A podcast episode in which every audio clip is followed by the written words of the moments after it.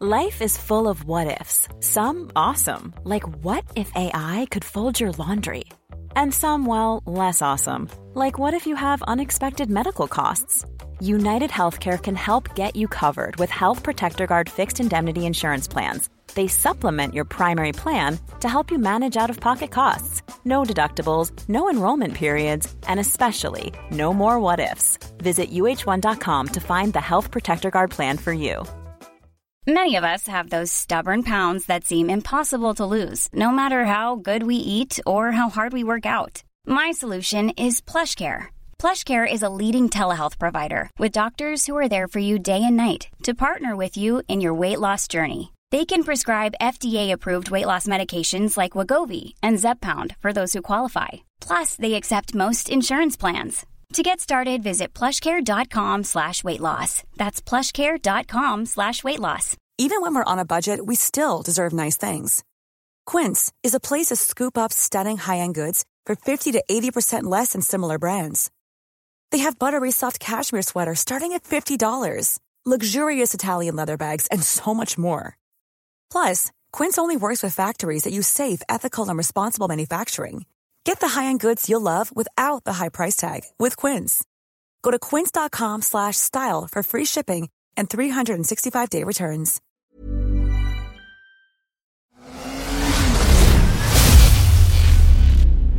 MC-podden. Du lyssnar på MC-podden. Jag heter Johan Ahlberg. Och jag heter Mikael Samuelsson.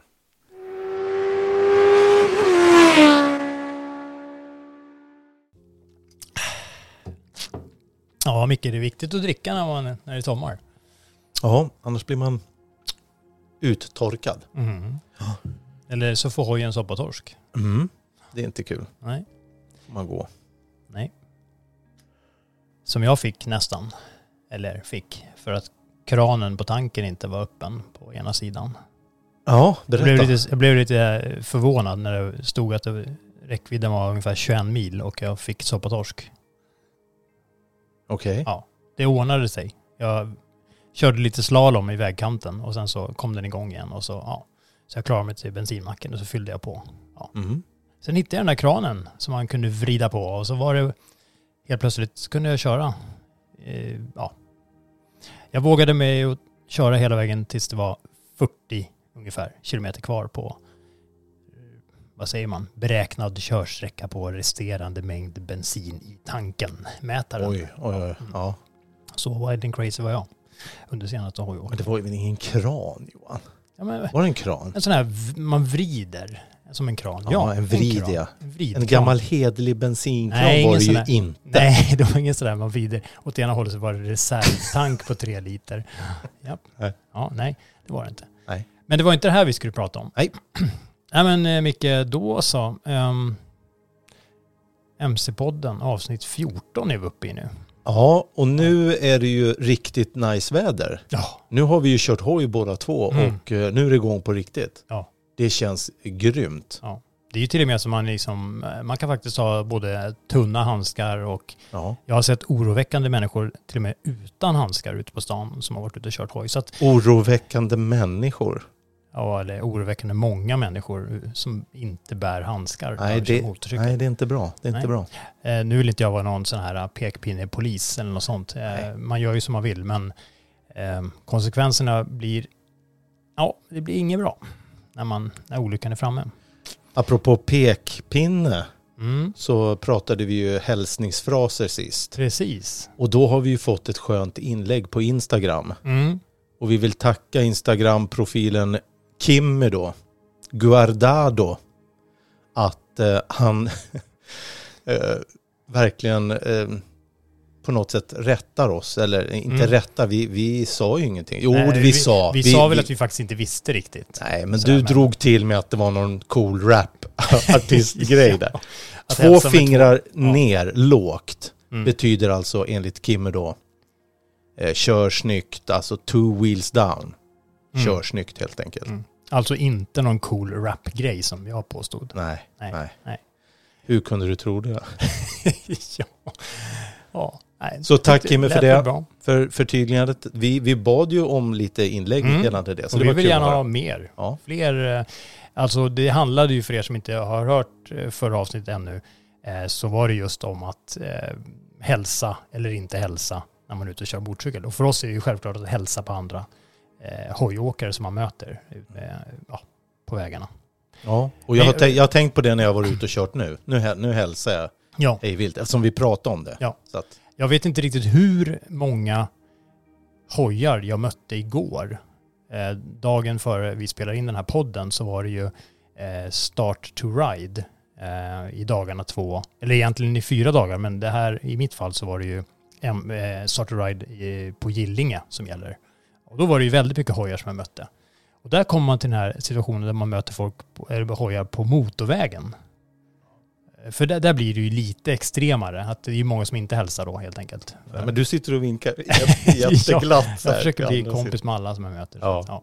Men ingen hälsar på mig. Ja, men Start to Ride, vi var ju där varsin dag. Jag Mm. var där på lördagen. Mm. För då, jag lämnade ju en motorcykel där. Men eh, jag gick runt och kollade. Det var sjukt bra väder Mm. var det. Och sen så var det så kul att se att eh, nästan alla, alla var där. Mm. Så jag gick där me- eh, mellan tälten och kollade på alltihopa. Det var sjukt kul. Det Mm. finns jättemycket fina eh, motorcyklar. Så lite tid och så mycket mo- motorcyklar. ja. Jo men så är det ju. Och jag, jag som, som du säger, jag var ju där på, på söndagen och eh, då, eh, vid det, jag var där till, till stängning så att säga. Och då bland annat eh, fick jag ju reda då på att de flesta som jag pratade med, de hade ju mer eller mindre haft fullbokat eh, under de här dagarna. Och vi pratar ju alltså totalt anger MC-branschen då som ligger bakom den här eh, eventet. Vi snackar 12 000 provrundor på de här alla, på samtliga fyra dagar. Det är Alltså- jäkligt mycket. Väldigt mycket, vi pratar ju 3000 provrunder per dag. Ehm, och enligt de jag talade med så eh, var det ju inte heller några olyckor att snacka om. Det var lite drullegrejer för någon som hade tappat hojen från stödet och ja, lite sådana här, vi kan kalla det Pellions, ja, äh, sådana här små grejer bara. Mm. Vilket är väldigt skönt med tanke på hur mycket folk det ändå är på en väldigt begränsad asfaltsyta. Ehm, för alla er som har varit på Stora Holm i Göteborg eller på Gillingebanan så vet man ju det är ganska trångt. Och eh, det är ju inte en, det är ingen road racing-bana vi snackar om. Man, får, man får köra 15 minuter Mm. för det också. Ja. Eh, och sen så när man gick där bland tälten då, där de hade sina uppställningar, Mm. Då kom det ju hojar hela tiden. Ja. Men jag tycker alla skötte sig så jäkla bra och körde Mm. sakta där på det området. Mm. För man, man eh, körde ju igenom där. ja. Så parkerar man hoj, tog Nej, vi nästa hoj. Det såg väldigt fint ut och väldigt välorganiserat och eh, det var liksom, eh, det stod ju, ja, gul, vad säger man, varselvästklädda människor som dirigerade lite och såg till att folk skötte sig på vissa ställen längs banan också och sådär. Så att, eh, Sen hörde jag också Johan att eh, appen hade strulat lite i Göteborg. mm, Det var, det var som så att det är ganska högt tryck på den där appen. Mm. Det är ju meningen att man ska boka i, i förväg. ja, och inte gå in och ändra. Va? Det, Nej. den, den kraschar väl den där appen. Mm, just det. Men, men, men eh, det hade gått bra. Nej, Tror- men sånt är ju alltid tråkigt och irriterande för de som kanske eh, ja, vill, vill vara med men som kanske då inte får möjligheten eller som eh, surar ur helt enkelt. Och det är ju trist med tanke på att det är ju bara, allt är ju bara positivt kring det här eventet. Det är ju bara en bra grej. Eh, så att perfekt tillfälle att, jag såg ju liksom, man, ser, man såg ju eh, jag såg flera gånger samma personer. Kom ena gången på någon liten elhoj och sen nästa vända kom de på någon stor customhoj custom-hoj eh, och sen på någon sporthoj. Så, där. så att det, är, ju- det är ju kul att se att folk eh, kanske faktiskt testar hojar som de... Eh, en del kanske faktiskt testar den hojen som de är lite sugna på att köpa. Men sen finns det säkert många som provar bara för att få någon slags allmänbildade höll jag på att säga. Men att man provar ja, för skojs skull. För att liksom samla på sig massa olika hojar i, i, liksom, eh, ja, I bagaget. i bagaget. Jag tyckte det var så kul, eh, för jag gick runt och pratade. En del kände man ju och sen så knöt man lite nya kontakter. Så Mm. eh, vi får väl se vad som händer framöver. Men det, det fanns mycket roliga profiler där. Ja, ja, ja, absolut. Jo, men både du och jag, vi, vi stöter ju på folk som vi faktiskt redan nu då har bestämt och som vi har planerat Ja. som kommer att vara med här i MC-podden. Så vi Ja. kommer snacka lite mer om. Det finns ju väldigt mycket roliga, trevliga, eh, ja vi kan kalla MC-profiler som absolut är, är Som har mycket spännande att berätta kring Ja, motorcyklar. definitivt. Mm. Och ehm, Du tog en del bilder också Johan som du Mm. tänkte att du lägger upp sen på... jajamän, de Fastbikes. finns ute nu. Ja, de gör det. på, på fastbikes.se och eh, tillhörande Facebook-sida så kom, eh, läggs det upp just i detta nu i princip. Så att eh, när du lyssnar på den här podden så finns de där. Eh, och det är ju bilder på, från eh, Gillinge då, då Gillingebanan. Eh, så att, eh, men när det då kommer till intressanta personer och sånt så, så har vi ju i, eh, träffat en eh, intressant person som heter Valdemar Mellgren. En eh, ung roadingförare från Vallentuna som vi kan säga, han har verkligen farten i blodet. Både mamma och pappa som är, eh, Eh, jag vill inte säga nördar, eh, motorcykelfantaster. Eh, Ducati-fantaster. Eh, och eh, den här Valdemar då, då, han siktar verkligen mot stjärnorna. När du frågar honom, då eh, det är liksom ingen mellanläge där, utan han ska bli bäst. Och eh, eh, jag var och träffade honom och eh, nu efter det då så har han ju, eh, det var ju tänkt att han skulle åka på försäsongsträning i Slovakien men det ställdes in på grund av kyla så då drog säsongen istället igång med en träningshelg på Anderstorp eh, under Valborg. Och därefter då 6-7 maj så eh, var det ju dags för årets första roadracing-SM där han körde till sig en fjärde plats och två tredjeplatser och ligger nu på tredje plats i Moto 3-mästerskapet. Jag är jättespänd. Vi lyssnar på vad Valdemar har att säga.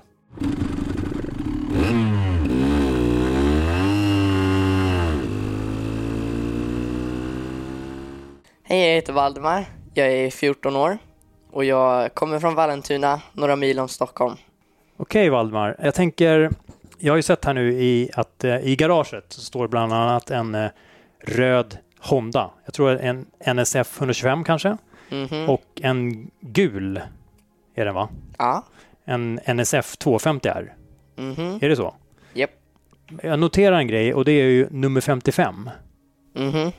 Är det något egenvalt eller varför är det nummer Eh, 55? Ja, alltså först var det nummer fem som jag hade på den röda Hondan Ja. i min GP och sen så ville jag ha tvåsiffrigt. Jag vet inte riktigt varför, Nej, nej. men eh, så tog jag 55. Ja. Så det är ett egenval så att säga. Och Ja, får vi se om du får behålla det resten av Aha. racingkarriären. Men om jag är rätt underrättad så blev du svensk mästare i MiniGP förra året, eller MiniGP Junior mm. Förra året va? 2022. Japp. Och slutade på fjärde plats i Moto 3 SM. Mhm. Och så vet jag att du även har hunnit med att köra en del utomlands. Japp. Eh, Bland annat på, heter det Lausitz Ring i östra Tyskland. Och då blir jag ju direkt så här, jag menar du är ju inte jättegammal och eh, har redan hunnit med en hel del häftig eh, motorcykelkörning på banan. Mhm. Och vad, vad jag förstår att du även sysslar med annat och sådär, men vad, vad är liksom siktet inställt på i år? Hur ska du toppa förra året? Eh, I år är absolut att eh, ta hem SM i eh, Moto 3 Okej? med 250. Ja. Det, det hade varit coolt. Jag är inte helt säker, men jag tror att jag kan bli yngst i, i roadracing någonsin om jag tar det. ja. Mm. Men, men hur, hur ser det liksom, jag vet ju att eh, du ingår ju i, eh, i Henrik eh, Mm. eh, Nordgrens team, Nordgren Racing. På, Mm. och kan du berätta lite, hur, hur, ser, en, hur ser det ut liksom? Hur, hur funkar det i praktiken för den som inte vet? Och, f- Alltså Ja. det är jätteenkelt. ja. Man, ehm, han har hojen. Mhm. jag och pappa har frivilligt velat ha den i garaget för det är kul att ha och ja. kul att mecka lite.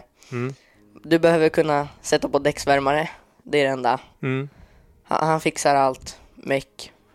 Så e- egentligen så, man betalar en slant och eh, då sköter teamet egentligen, du, du kan egentligen bara ta, ta dig till racet och så står I hojen där om så- du vill. Ja, precis. Ja, I avtalet så står det att du ska kunna sätta på däcksvärmare själv. ja, ja. Det är det enda.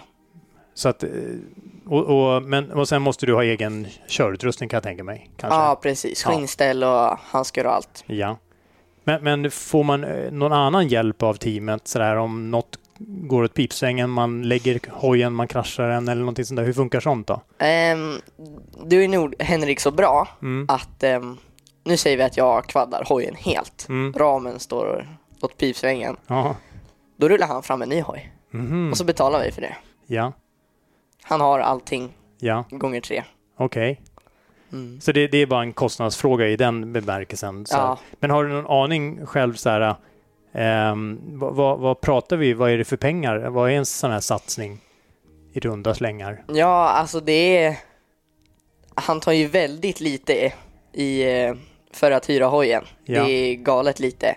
Så betalar du ju, beror på hur många man är, Mm. en viss andel för box Mm. och inträde för race då. Ja. Ehm, Men vad har man i budget på en sån här satsning ett år? Sådär, normalt? ja, han, jag tror det var 35 000 ungefär på Mm, avtalet mm, mm. om man ska köra i Sverige. Ja. Och min budget är 130 000 Ja. för jag ska köra om två veckor är det försäsongsträning i Slovakien, Slovakia ring. Mm. Ska köra i på Assen och Mm. så ska jag köra i Oschersleben. Okej. Och som, om det går bra ska jag köra i England också. Okej. Låter som en rolig vår. Ja, Ja. det blir kul. Men, men, eh, men är det liksom fristående saker som inte ingår i, i Nordgren Racings koncept? Liksom, eller ja, alltså det... de kör ju i Sverige Mm, i basen, men de har ju kört mycket utomlands också. ja. Så det erbjuds eh, någon form av träningshjälp och sånt med Nordgren Racing Team då, eller? Mm, alltså de är ju inga som tränar och utbildar. Nej. De är bara Ja. meck liksom. Ja. Så att det- du, men jag tänker så du får ingen eh, mentor eller något sånt där utav teamet eller någonting sådär som kommer med körtips eller utan det får du själv eh, ta reda på och alltså typ få bra körtips och sånt där. Mm, ja, det, det får vi se tror jag. Ja. Men det är inget som du får utav teamet normalt sett. Hittills har du inte fått det utan du får liksom fråga dig fram. Eh, jag får fråga mig fram. Mm. Eh, då brukar jag inte fråga de som kör i samma klass för då får man inte så många tips som man är i toppen. Men Nej, jag okej. brukar fråga folk som har kört. Det finns ju många som har kört i 600, kör de nu liksom. Mm. Ja. Okej. Jag tänker på, hur, hur ser det ut annars då? Hur, vad, vad tänker du? Har du någon mer liksom långsiktig plan? Jag förstår, jag menar du är ung, du håller på med lite andra saker säkert och jag vet att du spelar innebandy bland annat och, och så. Mm. Eh, men har du någon så här, tänk, vad har du i tanken kring roadracing-karriären? Alltså det är ju 100% bli bäst i världshistorien att vinna MotoGP. Det är, Det är så? ja, Ja, det kul. har det alltid varit. Ja. Men, men eh, hur, hur tänker du att, eh, hur, hur ser den långsiktiga planen ut? Vad, vad, vad gör du vid sidan om hojåkandet för att komma dit? Alltså typ, Ja, men tränar du och jag tränar väldigt mycket. ja. Fyra dagar i veckan, mycket bandkompisar. Mm. Håller på att spara till en mountainbike nu. Ja. Kör innebandy på vintern så Ja. man tränar någonting annat medans, Mm. ja, rör på mig mycket. Men när du gör det, känner du liksom en enorm längtan efter att Alltid, få vrida på rullen så att säga? alltid. Ja. Men, men hur- hur, om man då tänker sig, det blir lite blandat då. Du kommer köra ganska mycket nu redan på våren då. då. Och, ehm, men men ehm, jag tänker på, vi har ju även Red Bull Rookies Cup. Som för många har varit en, liksom, ja, en riktig språngbräda rakt in i internationell topracing. Där vi har liksom Brad Binder och vi har Mhm. Johan Sarko som bland annat, och som vann, Sarko vann ju Rookies Cup 2007 och han är ju med där uppe nu i Ja, GP-racingen. Ehm, och sen eh, senast vi hade en svensk, tror jag, om inte jag är fel ute här nu, så var det Alexander Kristiansson. mm. Och, och liksom, har du nog själv några tankar på försöka kvala in där i den cupen? absolut. Jag är precis blivit gammal nog för att kvalificera så jag Ja. ska, Så du har några år så på fort dig jag nu? kan. Ja. mm. ja. Då är det ju 17 man får komma in i motor 3. Så det är bara bra att öva lite. Mm. Men, men ehm, hur tänker du kring liksom så här andra saker som eh, får, jag tänker på när du spelar innebandy och sådär, eh, pratar man mycket om så mentala saker och sånt? Så det inte bara är fysiskt utan Ja, även, absolut. Ja. De säger det. Det är många fysträningar. Ja. Eh, Tre timmar i en träning typ. ja. Och det är om du inte vill vara här så behöver du inte. Nej, nej. Det är bara att gå hem om du vill. Ja.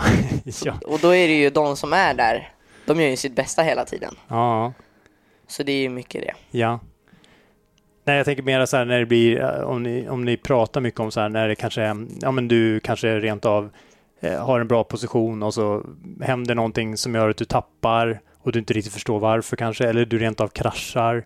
Mm. Eh, brukar du få hjälp med liksom att bearbeta det och prata om det då? Liksom, här, eller blir du bara förbannad och går in i skogen och gömmer en stund? Eller hur funkar det? Liksom? Nej men, eh, om, nu säger vi att jag gör något jättepinsamt, råkar slå av döda knappen i slutet på rakan. Mm.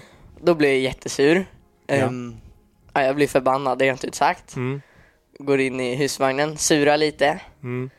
tänker över vad hände, vad ska jag göra bättre? Ja. Och så är det ut och köra igen. ja, För mig är det viktigt att inte sura ner och stanna där utan Ja, upp igen och köra men du, på. du sköter den biten själv kan vi kalla det? Ja, Ja. Och det, det känns bra för dig att göra det liksom? För att en del Absolut. Ja, behöver någon för att... mig personligen så tar jag det gärna Ja. själv. Du skäller på väggen eller något kanske? Ja, typ. Ja. Kasta handsken. Ja. ja. Men, men vi har ju redan pratat lite om eh, budget och sånt där och, och så. Men jag tänker på, om vi backar lite här nu då. Allt det här började ju någonstans. Mhm. Eh, och, och hur gammal var du när du liksom först, ja, vad har du för första hojminne överhuvudtaget? Ehm, första minnet var väl när jag provade på en KTM 50 kubikare cross. Okej, Då var jag kanske fem år gammal. ja. Körde på Vikbanan. Mm, I Upplands Väsby norr om Ja, Stockholm. precis. Ja, mm. Men första gången, då var det faktiskt i mammas mage när jag var fem månader gammal på Knutstorp. Mhm. Mm. Men berätta, eh, din mamma, jag tänker på dina föräldrar, är ju Ja. lite, jag ska inte säga hojnördar, men de är motorcykelentusiaster, är väl en Ja. underdrift. Ja. Så, Mm. Nej men de pappa har ju kört motorcykel sen han var, sen han fick, mm, körde moppe. ja, Ja, mamma, mamma och pappa träffades på en hojklubb. ja, Ja, båda tyckte om det. Kör mycket. ja. Så att du fick ju det på köpet kan man kalla det. Ja, Eh, Du gungade fram där i magen och sen blev det en 50 kubiks cross. ja. Och, och, men, så du, du började, men fortsatte det där med crossen eller var det bara en engångsföreteelse? Nej, absolut. Jag tävlade ju tävlade ganska mycket. Mm. Det var ju många i min klubb som körde SM då. Mm. Så fick jag en 65 när jag blev 10 år tror jag. Ja. Och så körde jag den i klubbmästerskapet, tävla, funderade på att köra SM. Mm. För då kom jag ju trea där. Och Ja. så var det ju ja, många som körde SM i topp 10 som jag klarade av att kampas med. Ja. Ehm, och sen så blev det ju här hoppa 30 meter hårt och ramla. Mm. Det, det blev inte riktigt roligt. Jag kände inte att jag hade motivationen till att göra det. Nej. Och så hade vi tittat på pröva minimotor länge idag. Mm. Och så prövade jag det för, vad blir det, tre år sedan. Ja. Första gången jag körde på asfalt. Mm. Ehm, ja, prövade det. Men jag Fastnade tänker, för det direkt. för de som inte känner till det, så här, vad, vad hittar man sånt? Vad, hittar, vad kör man minimotor någonstans? Eh, Hällaring i Ja. Västerås. Västerås? Det är bara att komma dit på en helg. Mm. Så får man provköra. Okej. Antingen en sån som jag kör, Honda 100. Okej. Eller en minimotor. Finns det ställ där. Okej. Så man kan liksom, utan att ens ha med sig någon, man kan låna allting i princip? Ja, Eh, Utrustning precis. och... Spännande. Det låter som en väldigt bra grej för många som en in, inkörsport Ja. för att få juniorer att testa på. Mm. Eh, och det är väl lite så det är med teamet med Nordgren också, att man egentligen inte behöver någonting själv. Inte behöver Nej. skruva eller några kunskaper Nej, men det är en stor, stor fördel för många som kommer från antingen mini-GP eller motocross liksom. Mm. Och hur mäcker man på en sån här stor hoj? Ja. Ingen aning. Nej. Det finns ett team som har topphojar, Mm. fixar allting. Det är Ja. bara att komma dit med utrustning. Ja. Så är det att köra. Men, men eh, jag tänker så här. Du är, lever ju ändå en tid där det händer ganska mycket när det gäller fordon eh, och då tänker jag på elektricitet. Hur ser du på att, om, har du provat att köra någon elhoj någon gång? Nej, men eh, jag har sett hur de går. Det var faktiskt en fransk kille som var och testade sin hemmabyggda elhoj Mm. på ett eh, mini, mini GP RM. Ja. Jag tänker, hur, hur tänker du kring det Mm. liksom? Vad, vad, Alltså, jag tycker att det kommer vara tråkigt att sakna ljudet. ja, ja. Det kommer man ju sakna. Du känner redan att du är fast där i den ja, tanken? känna liksom, vibrationerna i motorcykeln. Ja. Men ehm, Gillar Ja. du det här meckandet och sånt också som det ja, innebär? Med? absolut. Ja. Eh, Lukten, doften, allt sånt liksom. Mm. Men så har vi ju tyvärr ganska höga bullerkrav. Mm. Det är 55 deci- decibel på vissa. Det är liksom en vanlig konversation. Mm. Och då kan man inte köra på vissa banor, Ja, vilket det. är väldigt tråkigt. Mm. Och då tänker jag, bara jag får köra Mm. så kan jag ta att det inte låter om jag är, får köra ostört. Mm. Att det Ja. inte är någon som klagar. Men apropå det, jag tänkte på om vi backar där igen då. Eh, hur, hur ser det ut med liksom, eh, jag har förstått lite när jag hört eh, dig och din pappa prata här att eh, du brukar ju mecka en del själv. Ja, absolut. Känner du att du har, att det har bidragit till att du har liksom en, när du kör, att du har bra koll på vad som händer med motorcykeln? Att du har Mhm. fått, fått en bra Ja, förståelse för... absolut. Jag Ja. prövade ju på Elins så fick jag skruva isär fjädring så nu har jag Mm, mycket mm. bättre förståelse för det. Ja, Hur ska jag ställa in saker? ja, Tog isär min första crossmotor när jag var nio liksom. ja. Alltså du vet liksom hur en kolv ser ut och hur, vad det är Ja, som absolut. händer Det är ju bättre i... förståelse. Mm, Om, om hojen surar igen för det var 30 grader varmt istället för, för 20. mm, Då vet jag, ja men vi måste byta munstyck eller Ja, ändra luftburken. Och, mm, ja, då vet man ju direkt. ja. Känner du att det, det hjälper dig liksom? Det i- hjälper jättemycket. Mm, Då är jag med, kan jag vara mer analytisk och just det. det, det har ju stor förändring på körstilen och allting. Och, jag tänker på motocross-biten där. Känner du att du har stor nytta av den in Ja, i, mer i roadracingen nu eller i mini-GPn? 100 procent. Jag tycker Ja. att det är jättebra att, att träna på jord som Rossis ranch, Ja, sladda. Eh, jag menar, jag vann ju... Det jag vann mini-GP på, det Mm. var att han jag tävlade mot. Han kraschade i regnracen och jag Ja. var en sekund snabbare per varv. okej. För jag var jättebra på att sladda och köra i lera på crossskolan. Och den här känslan för grepp när det är halt. Det är det- en stor det- fördel. Det är inte så läskigt ifall du får lite framhjulssläpp och lite sådana Nej, grejer. Det är liksom absolut ingen stor inte. sak. Men det var ju sista, sista tävlingen på mini-GP. Ja. Då regnade ju hur mycket som helst. Det var vattenplanade i varannan kurva. Och så i slutet på rakan så känner man liksom hur framhjulet så glider iväg. Mm. Och det var det han kraschade på som gjorde att jag vann. Okej. Men, men eh, jag tänker, vad skulle du säga annars då? Vad, vad, vad är det absolut bästa med, med roadracingen? Om du tittar på det som helhet sådär. Nej, men det är hur familjärt det är. Bland det bästa jag vet är att hänga med kompisar på banan. Få köra i höga hastigheter. Mm. Det roligaste som finns. Ja, Men jag, jag tänker, du pratar ju där kompisar. Är ni bra? Känner du att ni, det är en bra kamratlig stämning och sen är det fight när ni är där ute? absolut. Och så släpper ni det efter racet? liksom, Alltså var det ju mini-GPn och eh, i, i roadracing. Då är Ja. det ju ut, kvala, förstöra för varandra för att försöka vinna själv. Skrapa, byta lack på kåporna. Sen Ja. kommer in, man in, spelar tv-spel med varandra. Ja, det är kul. Men vad händer i, i, jag tänker så här, för en som kanske inte har varit med och tävlat så. eh, Om, om vi tänker oss här nu, du, du, du fightas som vill, ligger uppe i täten, kanske rent av är på väg att vinna. Och så kommer någon som du verkligen gillar, kör upp bredvid dig och klantar till det. Ni, ni båda två kraschar omkull. Eh, Du var på väg att vinna racet. Hur känns det då? Hur hanterar man det? Eh, Jag är ju förbannad. Ja, Först, gå in Mm. i husbilen som sagt. ja, Stänger, kastar handsken. ja. Um, vänta på att den personen ska komma och säga förlåt. Um, vilket jag tycker att man ska göra om man har gjort något sånt. Sen är det ju shit happens. Ja. Det är ju en, Ja. ja. sånt händer. Det var lite som Marquez lyckades med nu i Ja, det tyckte jag var lite väl klantigt. Men Ja. han sa Ja. förlåt. Han, äh, gjort är gjort. Ja. Ja. Ja, men det, det är, vi- är bara människor. Mhm. Eh, jag tänker så här då, vi har varit inne på det lite tidigare. Eh, vad skulle du vilja säga till alla som lyssnar och som kanske är lite sugna på det här med roadracing eller man kanske har ett barn eller man kanske rent av är själv en ungdom eller ett barn som är lite sugen på det här med att börja tävla i, i, i hoj och framförallt då i roadracing. Skulle du säga i mini-GP en, en riktigt bra sån inkörsport då? Eller? Hund- 110 procent. Ja, Kostar nästan inga pengar alls. Jätteenkelt att köra. Gör inte ont i början att krascha. Jag kommer fortfarande ihåg min, första gång jag kraschade på mini-GP. Så kom jag in. Pappa, det var, jag bara gled ju. Mm. Kändes ju inte ens är mot att köra oftast- cross. det är oftast lowsiders sådär i Ja, mini-GP precis. kanske. Ja. Ehm, ja, men många pappor eller mammor som kör, kör roadracing med sin gathoj. Och, och så, de vet inte ens att det finns. Nej. Och, och det är jätteroligt. Och man Ja. behöver inte tävla och bli bäst bara man kör hoj. Ja. Det, jag har jättemånga som bara kör för kul. Liksom. Jag, jag tänkte ställa en lite avslutande så här annorlunda fråga. vad skulle du säga så här, kanske lite riktat till dina vänner där ute nu som kör eh, racing tillsammans med dig och sådär, men finns det något som de flesta inte vet om dig? Har du någon sån här hemlig talang som kanske är helt vid sidan Oh. av hojåkningen?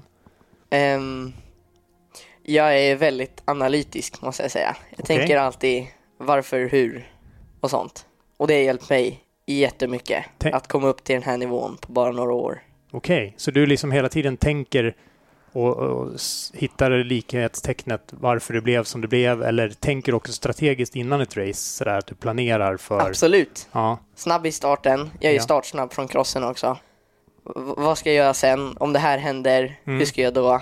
Och sen så, ja det Har- håller ju såklart hemligt från kompisarna Jo, på banan så de är inte, intressant. Så du har, du har liksom, kan man säga så här innan racet så har du redan spelat upp lite olika scenarios kanske rent av Ja. för om det där händer så jag kommer jag göra så. och- ja. Men framförallt hur jag tränar. Okej, Varför ska jag göra så? Är Ja. det snabbare eller långsammare? okej. Eller liksom, Ja, så du, mm. om, om vi säger att du är på mini-GP racingbanan i, låt säga i Västerås nu då. Testar du ofta olika saker medvetet för att se om jag provar att ta den här kurvan på det här sättet? Mhm, absolut. Och liksom, Vad händer om jag håller bromsen längre och sitter upp istället Ja. för att skrapa armbågen direkt? ja, ja, Ja, hela tiden pröva nya saker och inte bara ligga och nöta. ja, ja okej. Och då känner du vad som händer och så, ja men det där blev bättre eller det blev inte så bra kanske Ja. och så. Precis. Okej. Och det generellt sett går att översätta till alla typer av motorcyklar. Ja. Det Mm. låter som en smart tanke. Ja. Smart grej, bra grej. Eh, ja men eh, Valdemar, då... eh, Jag önskar dig lycka till. Så ska Tack vi så se, mycket. får vi följa upp det här med Red Bull Rookies Cup och, eh, eller Cup och eh, hela racingen framöver. Så hoppas jag att vi ses i någon MotoGP-depå om ett antal år. Ja, det gör vi. Ja, kul. Tack så mycket. Tack för mig.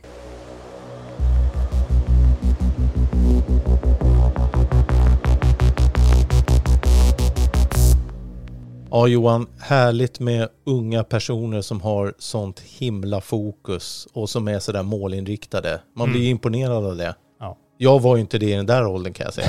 inte på det sättet. Nej.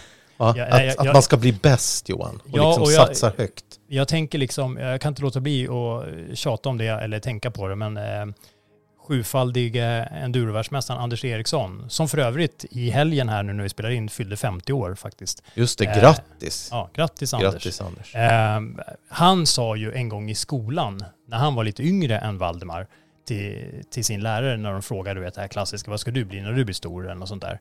Eh, jag ska bli brandman eller polis eller vad det nu är, läkare. Eh, och då sa han, jag ska bli världsmästare i enduro.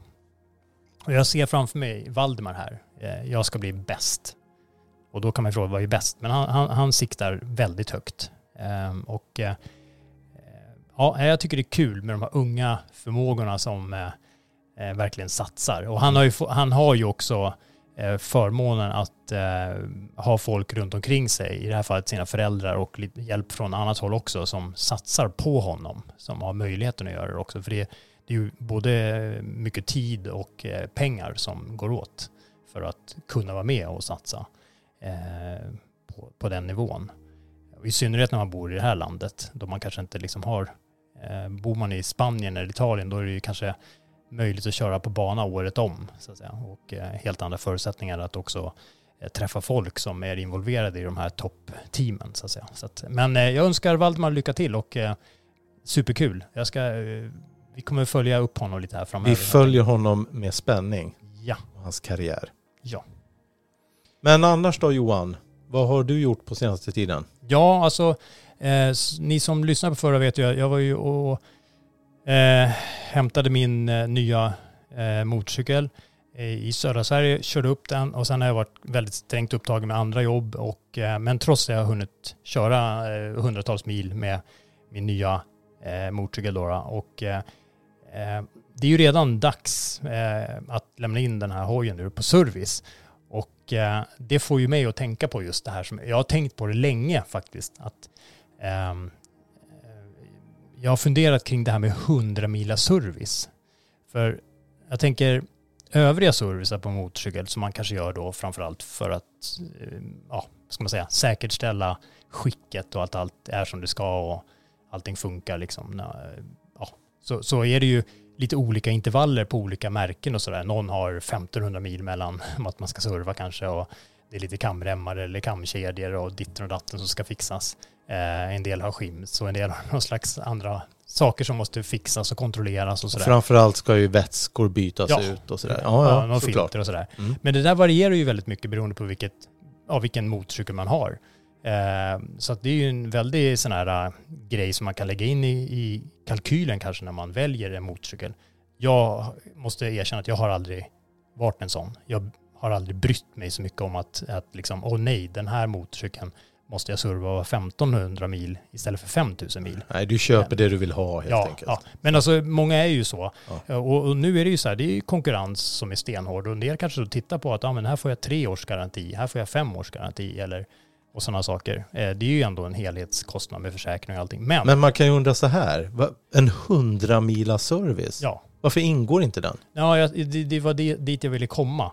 Och jag, jag har ju sett det här, sådana kommentarer på, på olika forum och sånt där under många års tid där man har diskuterat det här och jag vet att det är många som, som jag har förstått i alla fall, som dealar till sig det här när de köper motorcykeln. Så tar de upp det med återförsäljaren att jag, men det är tänker, väl schysst? ja, alltså jag tänker inte betala för en 100 mila service när jag vill att det ska ingå.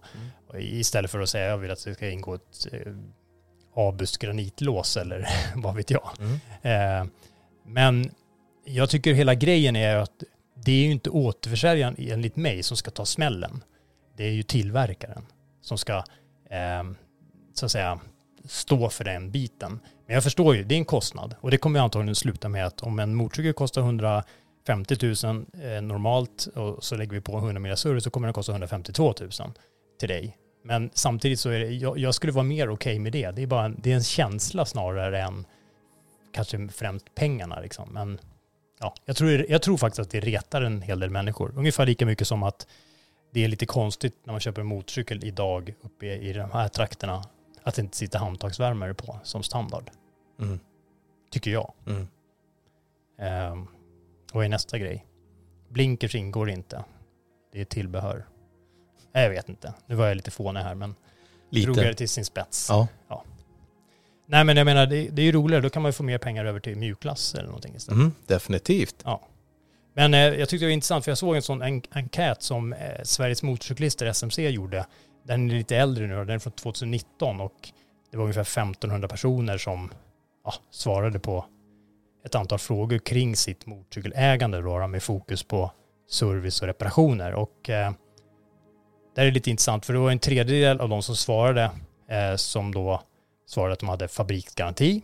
Och eh, det är ju ganska vanligt numera då, men att en lång garanti eh, anses ju då vara en viktig faktor för, för motorcyklisterna.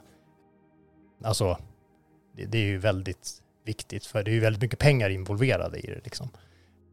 Men Så över 70 procent svarade ja på frågan om det var viktigt. ja, jag tycker nästan den siffran är låg ändå.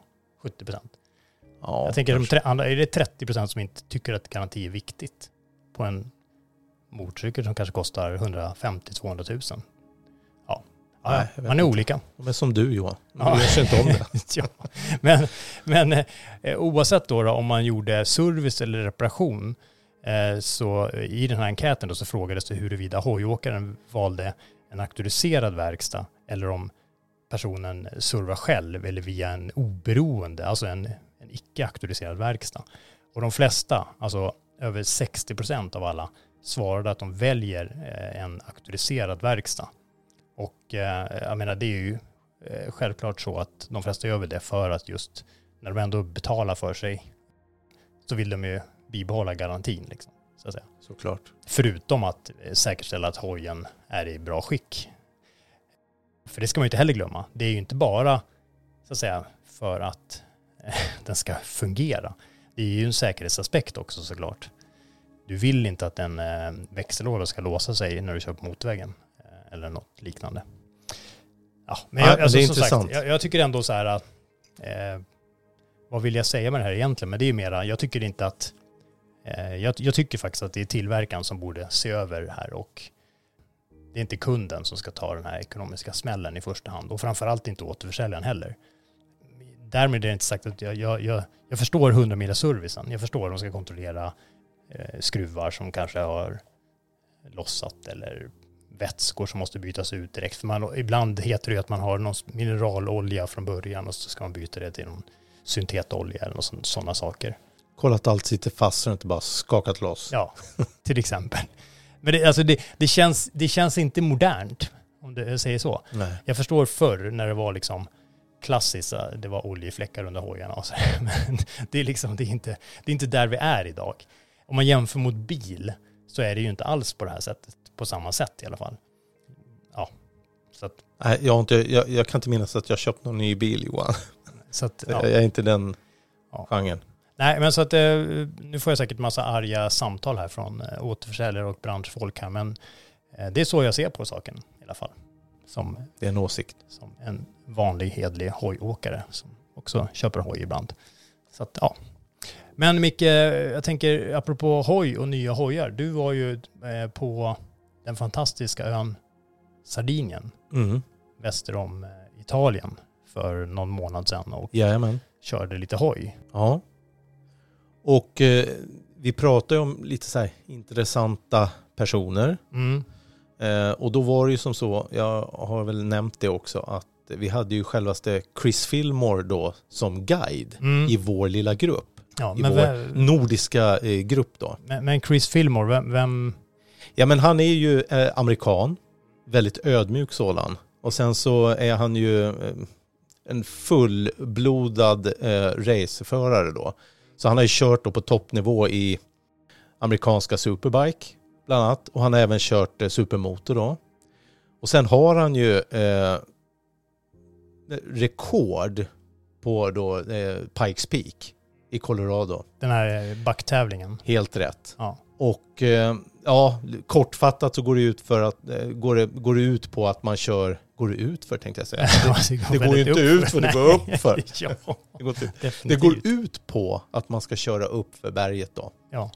Eh, och det är ju e- en asfaltsväg nu då. Eh, det har ju varit skiftande underlag Mm. förut. Men asfaltsväg, och det, den är ungefär två mil. Och så består den av ungefär 156 kurvor. Och han har rekordet då eh, från 2017. Eh, och då är det ju heavyweight som de säger, eh, klassar det som då. Och det var ju med KTM Superduke 1290R. Mm. Och sen så året därpå, 2018, då tog han rekordet i middleweight då med en KTM 790 Duke. Mm. Och den här personen, eh, han körde ju före oss och guidade oss i bergen och runt på slingriga vägar på Sardinien. Jätteödmjuk kille. Och då tänkte jag så här, det kan vara kul att liksom höra vad han har att säga.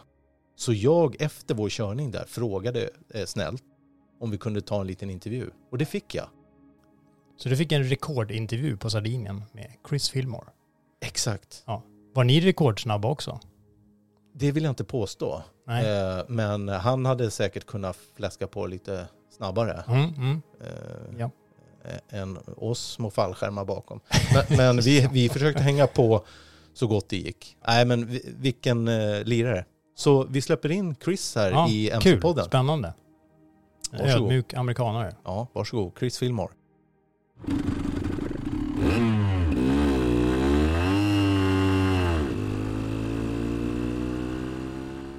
Well, first, I suppose thanks for having me. Um, always good to be able to talk to you guys. My name is Chris Fillmore. I was born in Michigan, uh, Midwest of the United States. Started motorcycling, racing, motocross. Um, didn't really have a lot of real ambition to become a professional racer like most kids uh, growing up um, racing do. I did it for fun.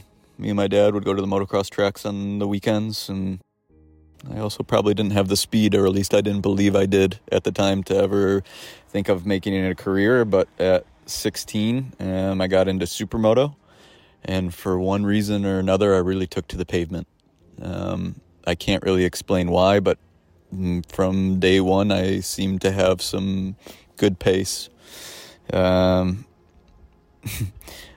that led to my dad getting inspired, seeing my speed. Um, the first race I went to was in Wisconsin. and this is kind of cool because he, he's a hero of mine, and I think even a bigger hero of my father's. But uh, Scott Russell was there, Mr. Daytona, and I was almost on pace with him in my first time on a supermoto bike. And then I went to the second one, and then we battled. And then I went to the third race, and I ended up beating him. And so my dad was just through the moon, you know. Um, I thought it was pretty cool, but clearly not the same uh, level as my dad. And then really that led us to going to the first AMA Pro Supermoto race, and I raced Supermoto professionally from 2003 on to 2008. Then I got into road racing. Um, did it a couple years as a privateer, then signed uh, with KTM as a factory superbike rider on the RC8. And um, had some success, was just shy of a podium almost every year. But uh, top fours, top fives, uh, was great fun and good to be able to represent the brand and really get in with them again. And then um, the RC8 was discontinued uh, in 2015, so that was my last year racing competitively in Superbike. And I had to think of what I was going to do. And basically, I uh, KTM gave me an offer to kind of become an ambassador. I worked with our youth road race programs through Moto America, and I did some one-off races here and there. And then uh, we had the Super Duke, and um, we I had this idea that okay, what do I want to do in racing? What what's going to be unique? What's going to kind of um, make a name for myself outside of the typical circuit racing and Pikes Peak International Hill Climb. Um, I had always seen it as a kid growing up when it was all dirt, and now it's all pavement, so even more perfect for me. And yeah, I uh, got involved with uh, and made a name for myself as a hill climber. And uh, what about Pikes Peak for people that don't know what it is? Can you describe Pikes Peak, what it is, and everything about it? For sure. Um, okay, so if you know nothing about it, its uh, nickname is America's Mountain. We're very proud of it. Um, it's one of the tallest roads in North America, and it's a mountain that sits at a little over 14,000 foot elevation in meters. I don't know, maybe a little over 4,000 meters. Is that correct? How's your math? um, it's tall. It's Yeah. it's it's tall, and uh, it's a little over 12 miles and 156 corners, and it changes changes quite dramatically from the start to the finish. So if I break you guys, if I break down uh, it, the course into thir- thirds, the first third is super fast, really good pavement, um, really fun. You can really start to learn it and go fast, and it's very flowing. Like think the best road race track you can imagine. Well, link that up for at least six miles, and then you have the middle section. In the middle is really tight hairpins, and it climbs elevation really quickly. And you have a big cliff on your side the entire time, so hopefully no mistakes. Well, hopefully no mistakes anywhere. And then you get to the last third of it, and it's the fastest part of the course. Maybe not fastest in, in as of corners, but uh, the most high speed, the longest straightaways. And it's also the tallest, so the bike becomes a little anemic, slows down, and it's rough. It's really rough at the top. And it's always the coldest. And the pavement is unpredictable, the grip's not great, and that's uh yeah, that's Pikes Peak. It's dr- it's dramatic. Um, every morning starts at 4 a.m. You get to the mountain, you watch the sunrise, and then they send you for practice runs, and you're done at 8 a.m. And then here comes the race, and the race is uh, the race is very unique in the sense of like if you're a traditional racer like myself, you get no warm up, you get no sighting lap, you don't ride the course for two days. You show up, the flagger says go, and you're on. So you're pretty much cold and have to go from zero to a 100 and hope that you got it all memorized spot on. And what about your records? Because it's it's not one record. You have several records. And what about them, Chris? Uh, yes, I uh, I do have a couple records. Um, and so how it started was we had the 1290 Super Duke, which is our premier motorcycle. Um, you know, we wanted to showcase that, and at the same time, the way that I kind of brought it up to KTM is we had our um, North American dealer meeting that just happened to be in Colorado Springs, right where Pikes Peak is, and it was just about two weeks before the race. So everything was lining up to be perfect intro. They got me on stage and they said Chris Fillmore's going to race Pikes Peak the first time on our brand new Super 1290 Super Duke R and he's going to win. And I got up and I said I'm going to win. And so I put a lot of pressure on myself the first year. Um, and luckily, you know, I broke the track record, two wheel record. Um, got rookie of the year, king of the mountain. Uh, yeah, took everything. And it, it was it was scary. Don't, don't get me wrong. I didn't have it completely memorized yet, and uh, it was scary and nerve wracking, and but was able to get it done. Um, and then from there, I just wanted to keep on coming back. So the other records that I hold were more of a reason just to race a motorcycle and go to Pikes Peak. Um, it just happened to be good timing again. We had the 790 uh, 790 Duke R, and I said I I think I can race this and, and break the middleweight time. Because, like, okay, so back to backtrack, there's heavyweight, middleweight, and lightweight. Um, and I went there and did the same. Took the uh, middleweight course record, won that year. And then uh, just for icing on the cake, we uh, took the, the lightweight record as well. Um, we took a 450 SXF and converted it into a supermoto. And that was my weapon of choice. Really nice to hear, Chris. And uh, today you've been our uh, tour guide and our uh, daddy for the day. And it's been a really honor for us. I want you to know that. Uh, do you have, what's your favorite bike, Chris? Okay, let me back up a little bit. We'll call me the fearless leader. How's that for the, the, the title for today?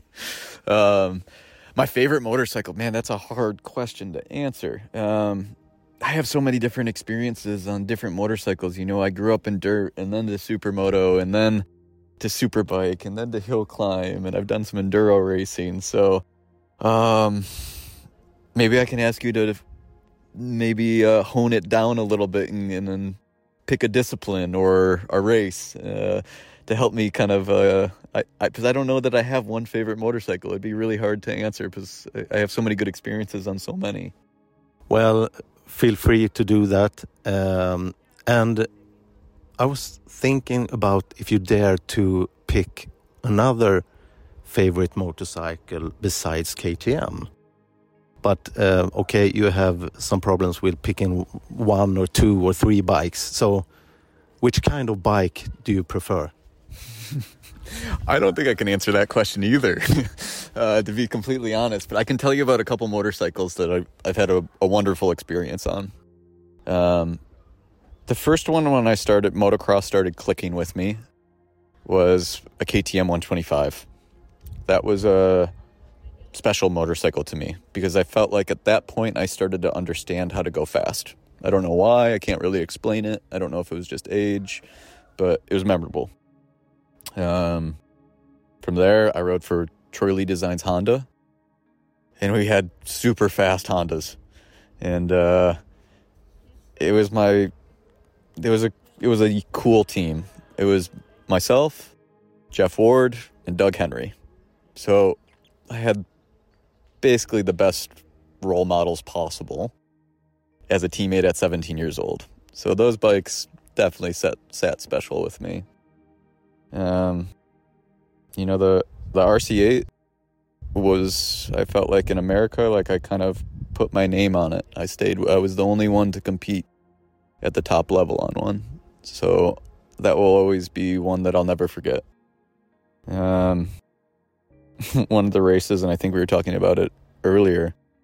Uh that is another super memorable race was racing a KTM it was the Supersport 300 RC 390 at Magello. Something I've never done before, never rode small displacement bikes, and I had to learn a lot from the beginning of the weekend to the end. And again, so much fun, incredibly memorable. But then, yeah, to pick one, no, I can't. I, I like to ride adventure bikes. I like to ride enduro bikes at any point in time, depending on the trails and conditions. Every bike is the best bike. So many bikes, Chris. So it's difficult. I understand you. But what about the bike that we rode today? What can you say? What's your opinion about that bike, uh, KTM 890 SMT?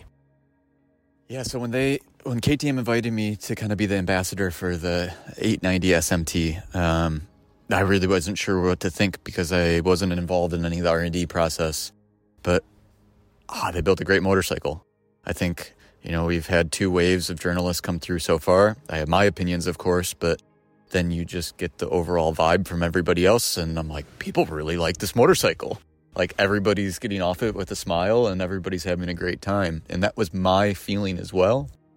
The bike is neutral, the bike is fun, it feels light, it's got torque, it you can you can ride it softly, I will say. And it's still really enjoyable and forgiving. But then you can push it too and slide and wheelie and do all this stuff. And it does that just as good. So it's supportive and so it's a it's a bit of a it's a bit of a hybrid for sure. So they call it supermoto touring, and um, yeah, you put bags on it, and I think you you nailed it because it definitely does the sport side of the supermoto. With bags, you're touring; it's no problem. So, uh, yeah, my experience is it's kind of like one of the perfect street bikes for me. And I agree with that because uh, I really enjoyed the ride today. Do you have a really good motorcycle memory that you can share with us? What kind of memory are you looking for here? Mm, more specific. I understand that you have so many. It's a little bit difficult, but uh, something that you really remember when riding a motorcycle or enjoying. Okay, I don't know why, maybe because I'm in Europe right now, but the first thing that kind of came to mind is maybe around 2012 or 13. Um, I had a teammate that was from Germany, Stefan Nebel. He raced IDM Superbike and then he came over to race with me on the RC8 in America. And at the end of the season, he's like, You have to come over to Europe. You have to come over to Europe. We'll go on a motorcycle trip. And we took uh, KTM Super Duke GTs and we took them to the mountains in Austria. He had a friend that had a resort. So we rode through just like the most dramatic, beautiful scenery.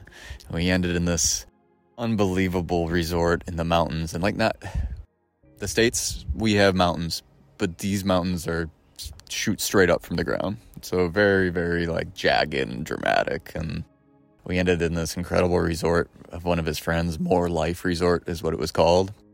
And then we were allowed he was a motorcycle enthusiast as well the owner of the resort.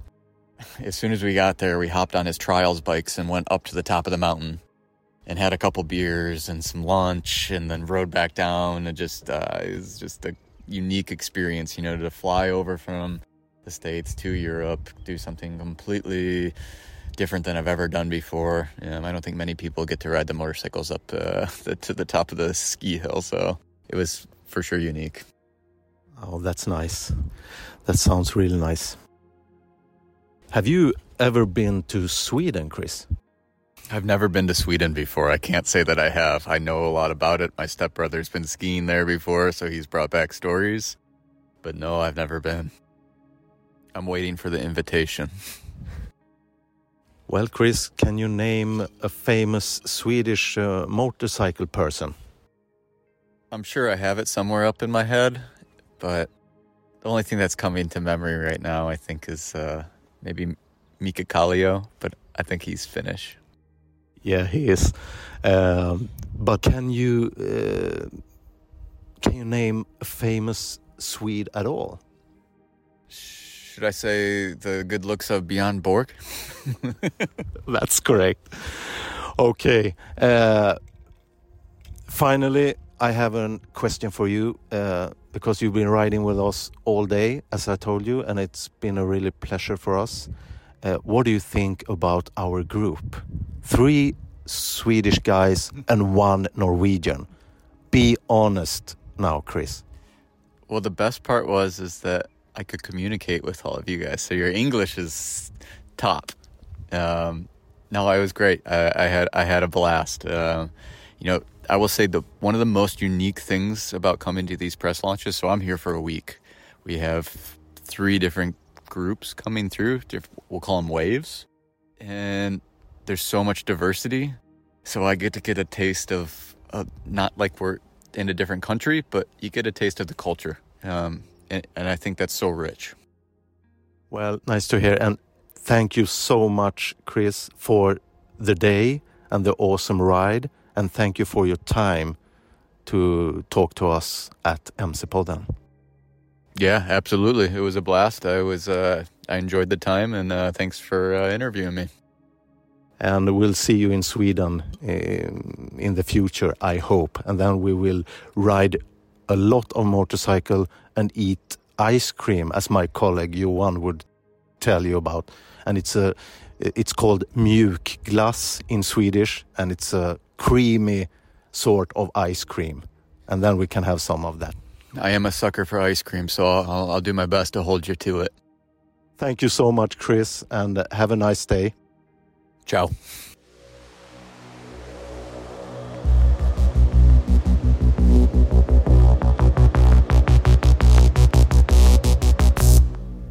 Ja. Micke. Kul att du fick träffa honom. Väldigt kul. Och, Ja. och nu, jag visste inte på, jag, jag var ingen nörd på det där, Pikes Peak direkt. Nej. Så jag visste ju liksom inte riktigt, jag, jag hade hört någon namnet nämnas och sådär, men jag Aha. visste ju inte vem han Mm, var som mm, sådan. mm. Men han presenterades ju där och i Ja. KTMs omslag liksom. Mm. Så att, nej, Och för Pikes Peak är ju för... Eh, den, det är ju lite som Isle of Man fast inte lika döds... Eh, ja, det har ju drabbats av ett antal dödsfall under årens lopp. Det har ju kört sedan, eh, jag tror 1916 eller någonting som de inte Ja. minns fel. Så vi pratar ju 100 år liksom. ja sen är det ju, det, det är ju liksom branta stup Ja, på ja, sidorna. Det är Nej. ingenting du leker med. Nej, det är inte Nej, tillåtande. Inga, inga avkörningszoner direkt. Och det var ju så vi körde där, så man såg när han låg längst fram där att han, han kunde det där, såklart. Ska man köra av ska man köra av inåt så att säga. Så man träffar bergväggen liksom. Ja, det Ja, känns ju ja. skönare. Ja. Flyga den ut och för- flyger ut. Ja, nej, det blir inget bra vilket som kanske. Håll dig på hjulen, kör snyggt, det är bättre. Ehm, Två fingrar ner, två fingrar ner, precis. hälsa lågt.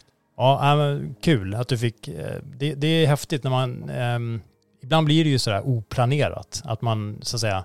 Det var ju inte din eh, plan Nej, innan. men, men Johan, nu, nu har vi poddat ett tag och det är så jäkla kul för att nu tänker man podden. Man Mm. tänker på att, att man vill dela med sig av de här grejerna. Mm. Och det kommer ju bli fler sådana saker. Ja, absolut. Så det är ju schysst. Jo, för jag, jag ska ju eh, ner själv här.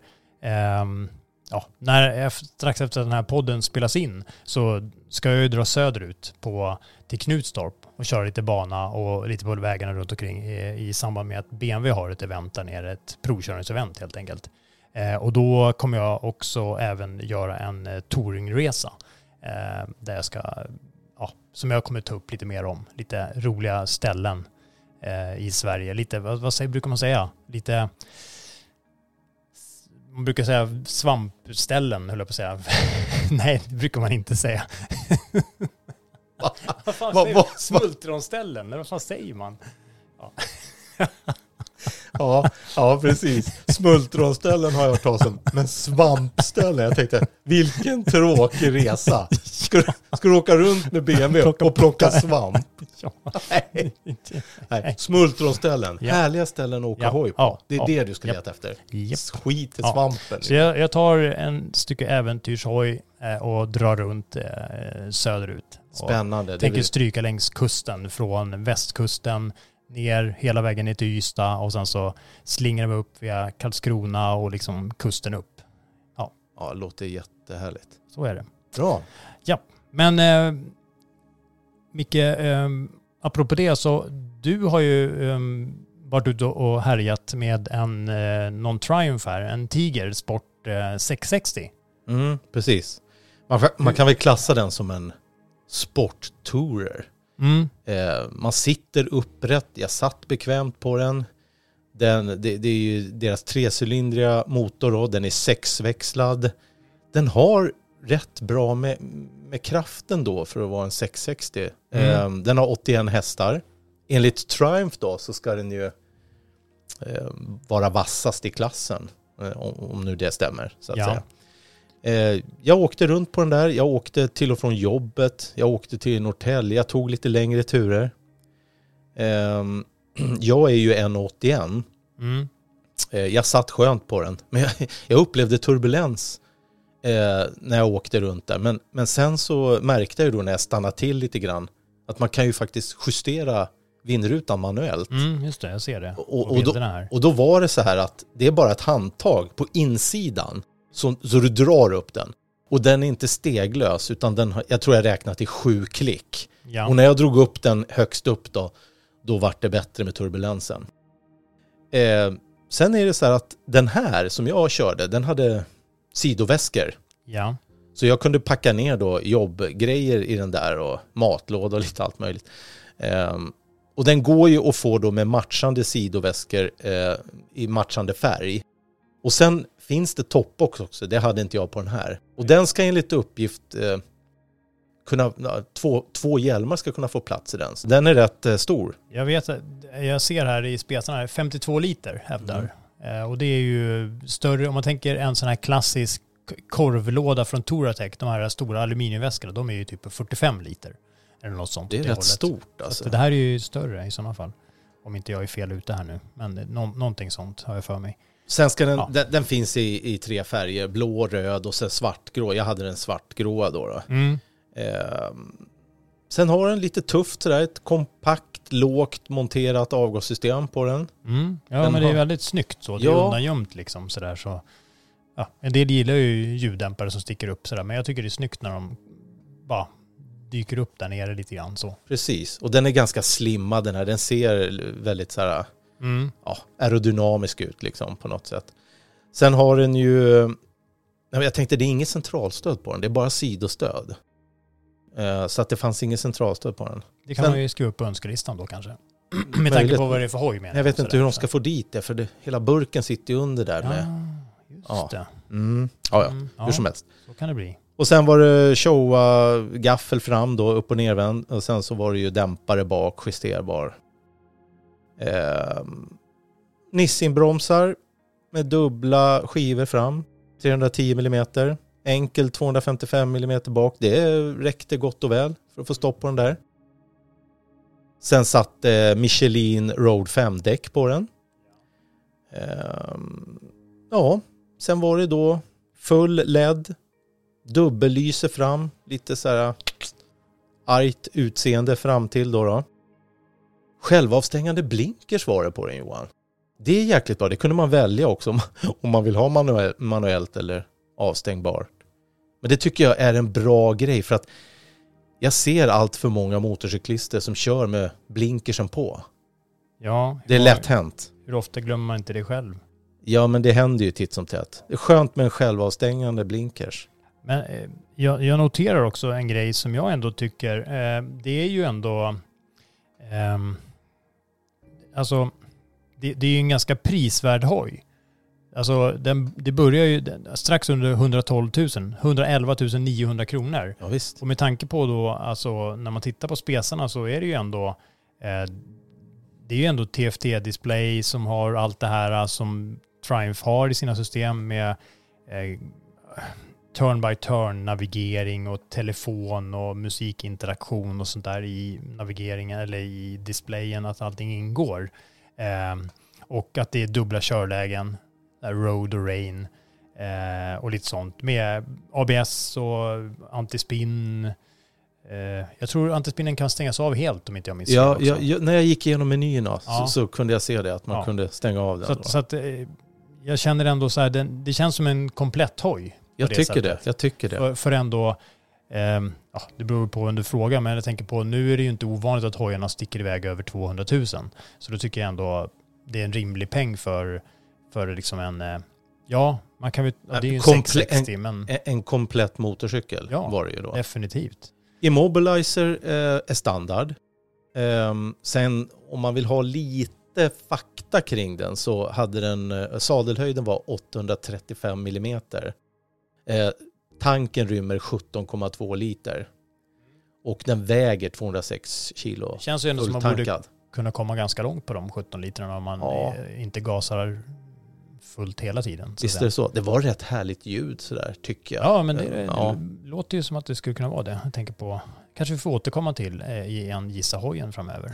Precis. Så håll öronen öppna. Sen fanns det ju då, ja men bak så fanns det ju integrerade handtag för passageraren. Och eh, jag, jag gjorde så också, det är lite kul Johan när man testkör en hoj så här lite flera dagar. Då tog jag bort sadeln också för att se hur utrymmet var under. Men, men det, det fanns Du inget. körde inte utan sadel. Det kändes som att du skulle säga det.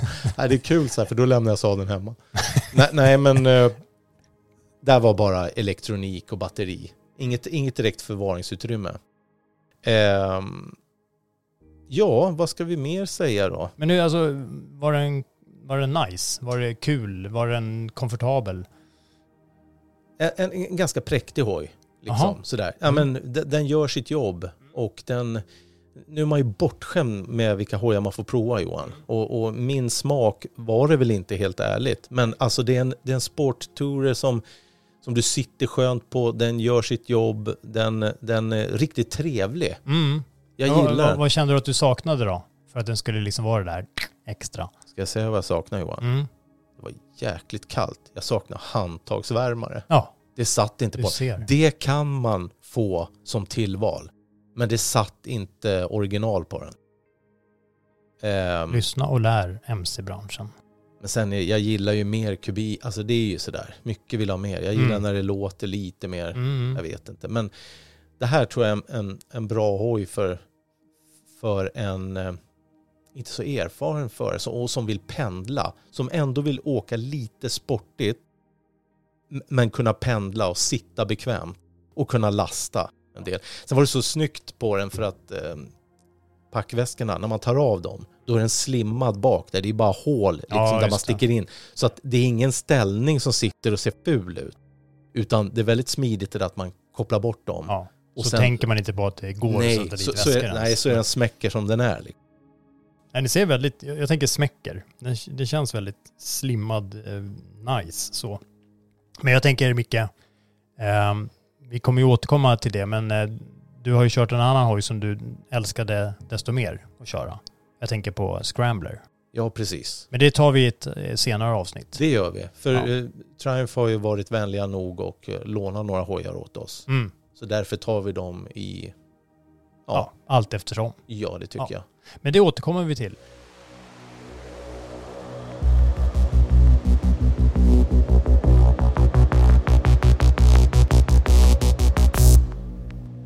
Ja, Johan, jag tänkte så här. Vi, vi, vi, har ju båda två åkt väldigt mycket motorcykel. Du, du mycket mer än vad jag, men Jag brukar köra motorcykel, inte åka motorcykel. Ja, nej, kör. Jag åker med. Ja, cruise control. Och då är det så att ma- man måste ju vara stor nog att inse att ibland går det liksom inte riktigt som, som man vill. Nej, då, då är vi inne så här på MC-fadäser. Ja. Har du ingen sån story? Jo som du kan... Det finns många. Ja, Och, ta någon eh, Johan. Först någon. upp i huvudet.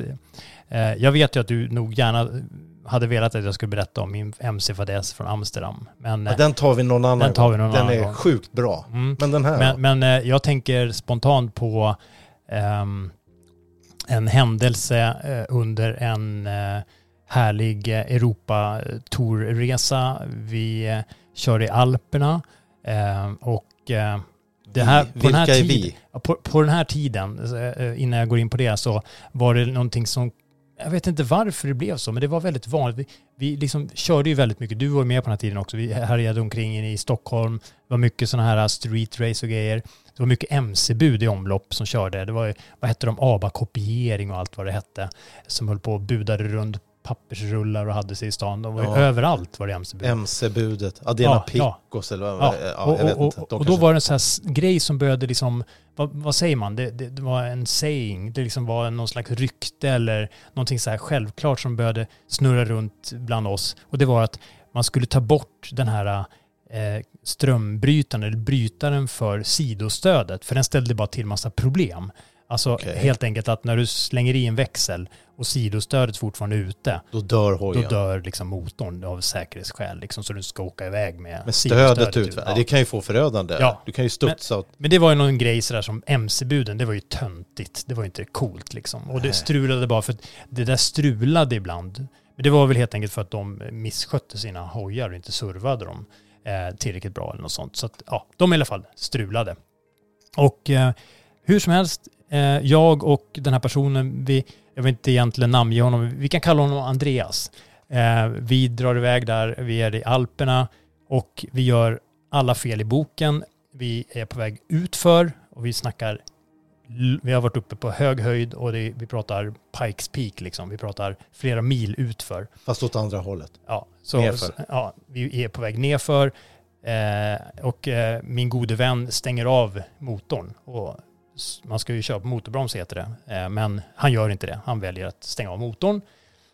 Och, ehm, och så snurrar vi nerför där. Det går ju fort ändå liksom, för det, det, tyngdlagen gör sitt. Och eh, hur som helst, jag ligger först och så efter en stund så stannar jag till och väntar liksom på Andreas. Vi kom- kan kalla han Andreas. Ja, vi, vi säger Andreas hela tiden här nu. Så att eh, då, då stannar jag till och väntar och väntar, men det kommer ingen. Så jag vänder och kör upp. Och då står han i vägkanten och eh, fixar med hojen. Och jaha, fasiken, nu har han fått haveri fast motorn var avstängd. Så det var ju lite konstigt. Äh, men då visar det sig att han har försökt starta hojen, men den gick ju inte igång. Och då har han bara, du vet så här, instinktivt, på bara, alltså det måste ha gått så fort. Det måste ha varit så här, oh, motorn startar inte, jag stannar och klipper av kabeln till strömbrytaren vid sidostödet. Det var hans första liksom, ja, det var liksom, instinktiva Ja, tanke. det var liksom... Den strular så jag klipper av den. Det var någon slags ryggmärgsgrej. Mm. Så han höll på där och byglade och satte ihop de där sladdarna och med lite eltejp och grejer där. Och eh, så dyker jag i alla fall upp där.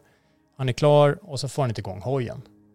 Och jag eh, kommer ihåg att jag då säger att, men Andreas, eh, du har vi inte glömt att du har tryckt in, för det var inte en sån vippa på, för han körde en Dr. Big. Och då var det en sån tryck in och tryck ut, vet, en röd, kn- du har ju själv haft den ja, där. ja, ja. Den var ju intryckt. Så han hade ju döda knappen intryckt. Och så släppte han ut den och hojen går igång. Ja, Ja. ja. Så det, det tyckte jag var en sån här riktigt nice MC-fadäs. Ja, det- nu stackars, eh, vi kan kalla honom Andreas då i det här Ja. fallet, så det var ju inte du nu, men Nej, i det här fallet var Nej. det inte det. ah, härligt. Ja, härligt. nej, så det, det Sånt var ju... måste man få bjuda på också. Ja. Så, och jag menar, det, det är väl liksom, eh, jag tror inte det finns, det finns nog få eh, motorcyklister som inte har eh, lyckats med något, kanske det är just en sån där grej. Eh, Nej, det, men det, med något liknande. ja, det kräver ju ändå lite tekniskt kunnande för att göra en sån där grej också. att man ska tänka att man ska göra en sån där grej. Vi återkommer i ämnet fadäser. Ja, kul.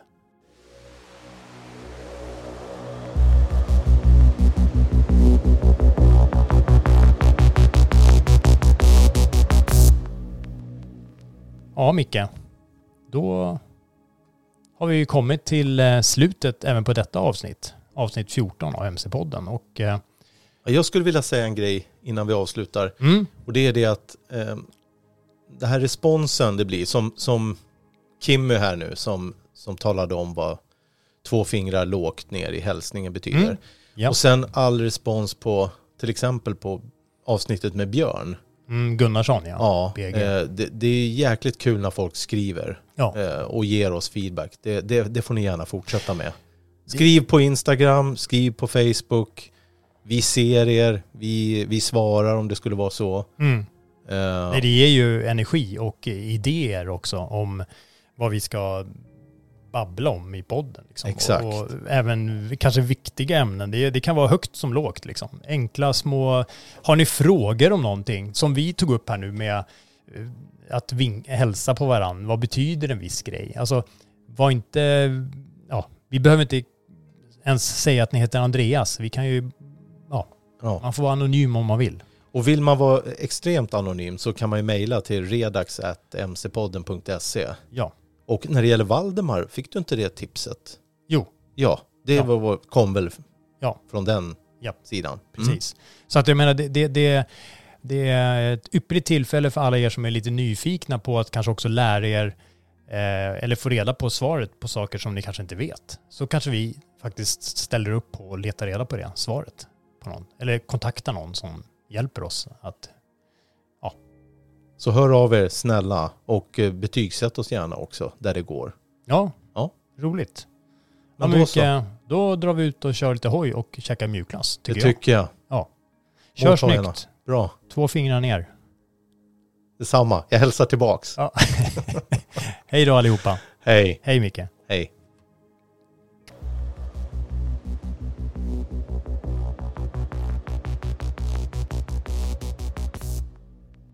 Du har lyssnat på MC-podden. Jag heter Johan Ahlberg. Och jag heter Mikael Samuelsson.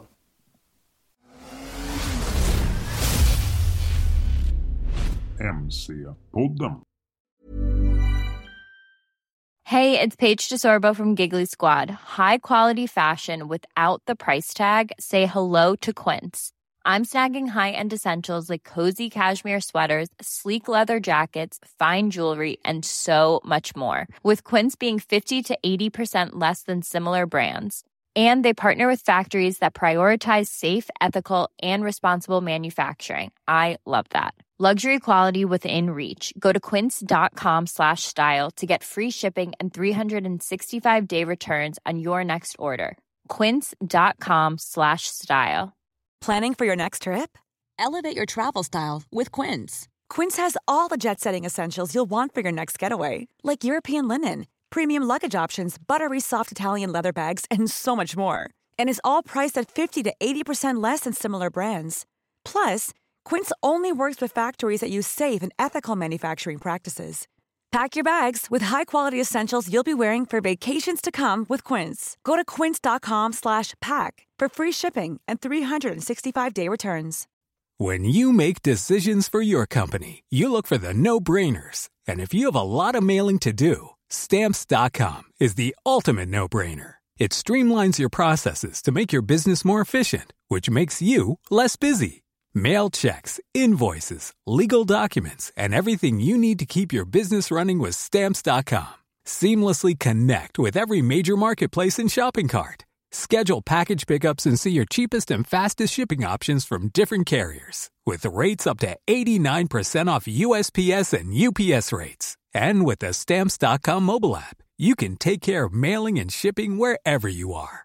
Make the same no-brainer decision as over 1 million other businesses with stamps.com. Sign up with code program for a 4-week trial plus free postage and a free digital scale. No long-term commitments or contracts.